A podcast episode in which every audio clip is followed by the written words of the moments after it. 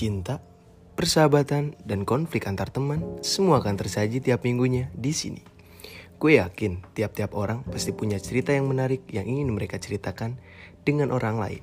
Namun, mungkin mereka ragu pada siapa mereka akan bercerita. Oleh karena itu, di sini menjadi tempat untuk mencurahkan isi hati kalian.